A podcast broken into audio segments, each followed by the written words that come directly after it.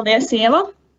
Tad, um, kā mēs visi zinām, tad jau pāris gadus uh, Eiropas Savienībā, tajā skaitā Latvijā, ir piemērojama vispārīgā datu aizsardzības regula, jeb GDPR. Šī regula paredz uh, noteiktu kārtību, kā mēs apstrādājam personas datus. Un, uh, personas datus mēs definējam ļoti plaši. Teiksim, uh, tā ir jebkāda informācija par fizisku identificētu vai identificējumu personu, proti tādu, ko mēs jau varam noskaidrot veicot pāris soļus. Mēs varam identificēt, kas ir šī persona. Un arī personas datu apstrādi kā tādu mēs definējam ļoti plaši. Teiksim, tās ir ne tikai tādas aktīvas darbības, kur mēs kaut ko analizējam, skaidrojam un noskaidrojam, bet arī vienkārši glabāšana un datu dzēšana. Tad uh, dosimies tālāk un noskaidrosim, kas mums ir jāzina pirms uh, nodot šos datus. Un, uh, šī datu regula nodibina, nodibina tādu noteiktu mehānismu, kas uh, skaidro, tad, kā mēs ar šiem datiem dalāmies, nododam un sūtām viņus tālāk. Un šeit ir svarīgi, uh, teiksim, par kādām valstīm iet runa. Ja mēs runājam par Eiropas Savienību un Eiropas ekonomisko zonu, tad uh, šīs regulas mērķis teiksim, ir nodrošināt tādu vienveidīgu piemērošanu un atvieglot šo datu plūsmas. Līdz ar to Mēs ļoti viegli varam apmainīties savā starpā ar personas datiem, nedomājot par papildus ierobežojumiem. Un šo, šajā brīdī, principā, sanāk, ka apvienotā karaliste no šīs zonas pāriet uz otru, uz datu plūsmu, kas ir ārpus Eiropas ekonomiskās zonas, uz tā dēvētajām trešajām valstīm. Un, lai sūtītu datus trešajām valstīm, um, šī procedūra ir daudz sarežģītāka un jāievēro vesela virkne teiksim, ar dažādām prasībām. Un te ir varbūt vērtīgi atcerēties, ka Pirms šķietam daudziem uzņēmumiem liekas, ka viņi jau personas datus vispār neapstrādā. Ir jāatcerās, ka mums ir gan klientu dati, gan darbinieku dati, gan sadarbības partneru dati. Varbūt mēs uh, pēkšņi veidojam veselu datu bāzi, kur mums ir vārds, uzvārds, ētu uzņēmums, un mēs tur pievienojam kaut kādas uh, piezīmes un tam līdzīgi. Un patiesībā mums šie dati ir, lai gan pirmšķietami, mēs to tā nemaz neesam atcerējušies. Un tad tā, Runājot par to, kāds ir tas mehānisms attiecībā uz datu nodošanu uz valstīm ārpus Eiropas ekonomiskās zonas, um, tad daudziem principā liekas, ka viņš ir ļoti sarežģīts, um, bet vienkāršojot, viņu varētu sadalīt tādos um, kā trīs posmos. Un visvienkāršākais, teiksim, solis numur viens, mēs skatāmies, vai ir lēmums par aizsardzības līmeņa pietiekamību.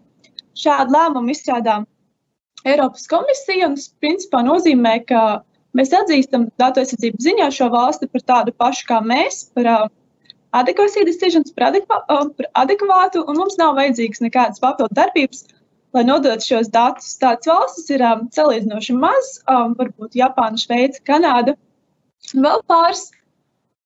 Tātad visbiežāk analizējot, mēs secinām, ka šāda lēmuma par aizsardzības pieteikumību mums nav. Un tad mums jādodas uz soli numur divi, kur mēs jau skatāmies un analizējam, meklējam papildus mehānismus, um, jeb atbilstošas garantijas.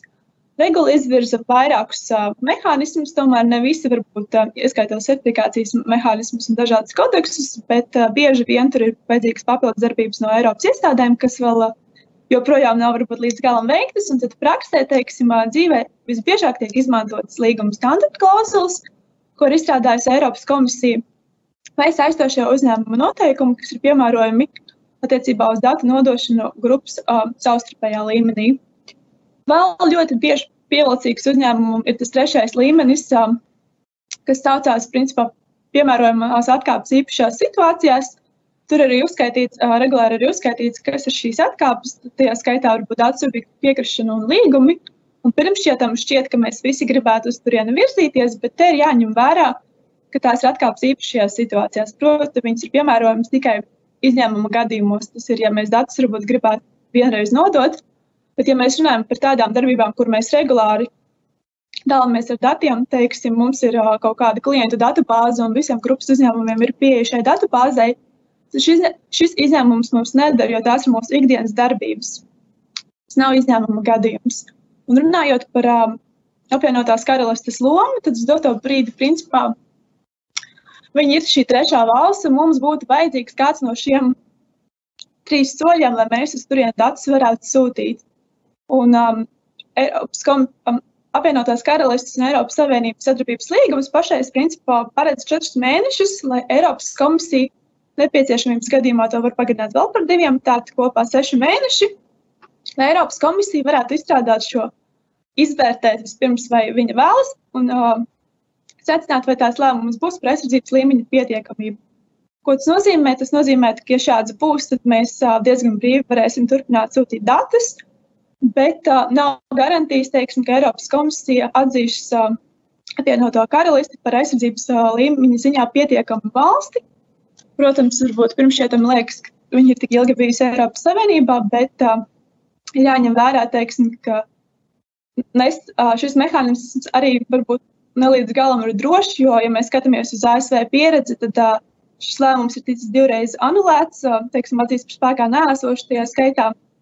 Um, ASV prasību dēļ attiecībā uz video novērošanu, un arī apvienotāji karalistē, teiksim, jau līdz šim ir bijušas vairākas uh, tiesības Eiropas Savienībā par uh, dažādām, um, teiksim, um, datu nodošanas aspektiem, kas mums no Eiropas viedokļa nav likušies pareizi.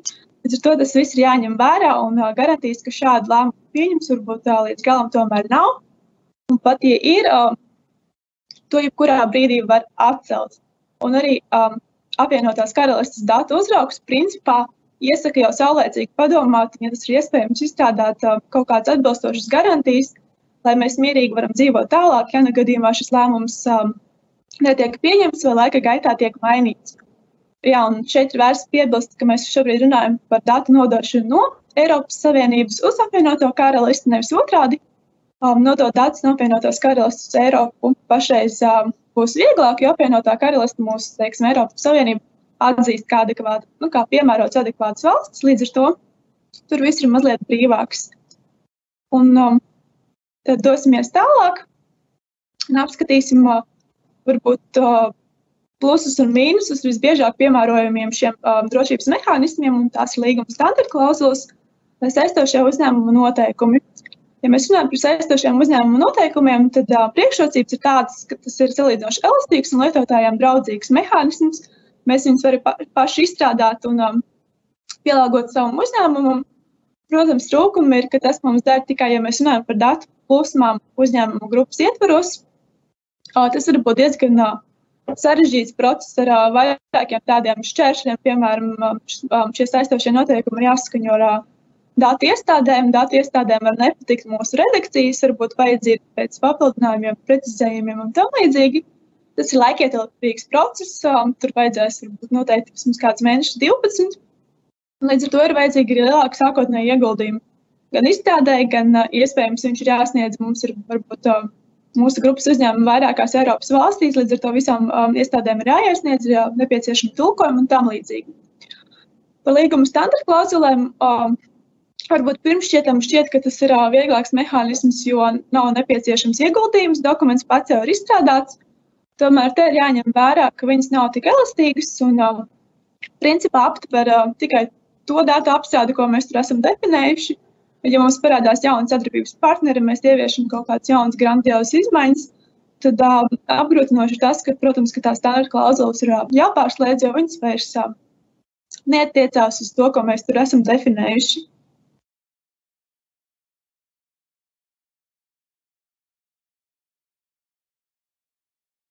Un tad um, visbeidzot arī dosimies um, pie darāmo darbu sarakstu, lai saprastu, tad, um, ņemot vērā visu iepriekš minēto, kādas darbības mums būtu pašreiz jāveic. Un uh, numur viens būtu, mums ir nepieciešams izvērtēt, kādas datu plūsmas tad mums ir, atcerot rūpīgi visus sadarbības partnerus. Bieži varbūt uh, mēs aizmirstam par da, uh, datu glabāšanu, par uh, mākoņa, mākoņa pakalpojumiem, ka mūsu dati patiesībā glabājās kaut kur citur, par ko mēs ikdienā neaizdomājamies. Arī par to ir jāpadomā. Tad numur divi būtu nepieciešams pārskatīt un arī nepieciešamības gadījumā atjaunot mūsu līgumus ar sadarbības partneriem, ko mēs uzskatām par apstrādātājiem.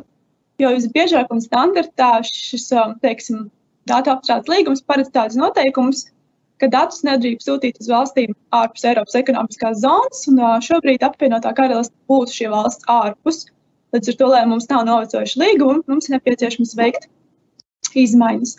Tieši tas pats attiecās arī uz privātumu politikām, kas visbiežāk pārēdz tieši tādas pašas noteikumus, ka dati tiek apstrādāti tikai ar Eiropas Savienībā. Un visbeidzot, ir vajadzība izvērtēt tad, um, alternatīvas, varbūt tiešām apsvērt tos alternatīvos mehānismus, ko iesaka arī varbūt, uh, datu uzraugi. Un ņemot vērā, ka, teiksim, ka tas tiešām ir laikietilpīgs process un prasīs salīdzinoši ilgu laiku, par to ir vērts domāt jau saulaicīgi, nevis pēdējā brīdī. Nu, tā, paldies!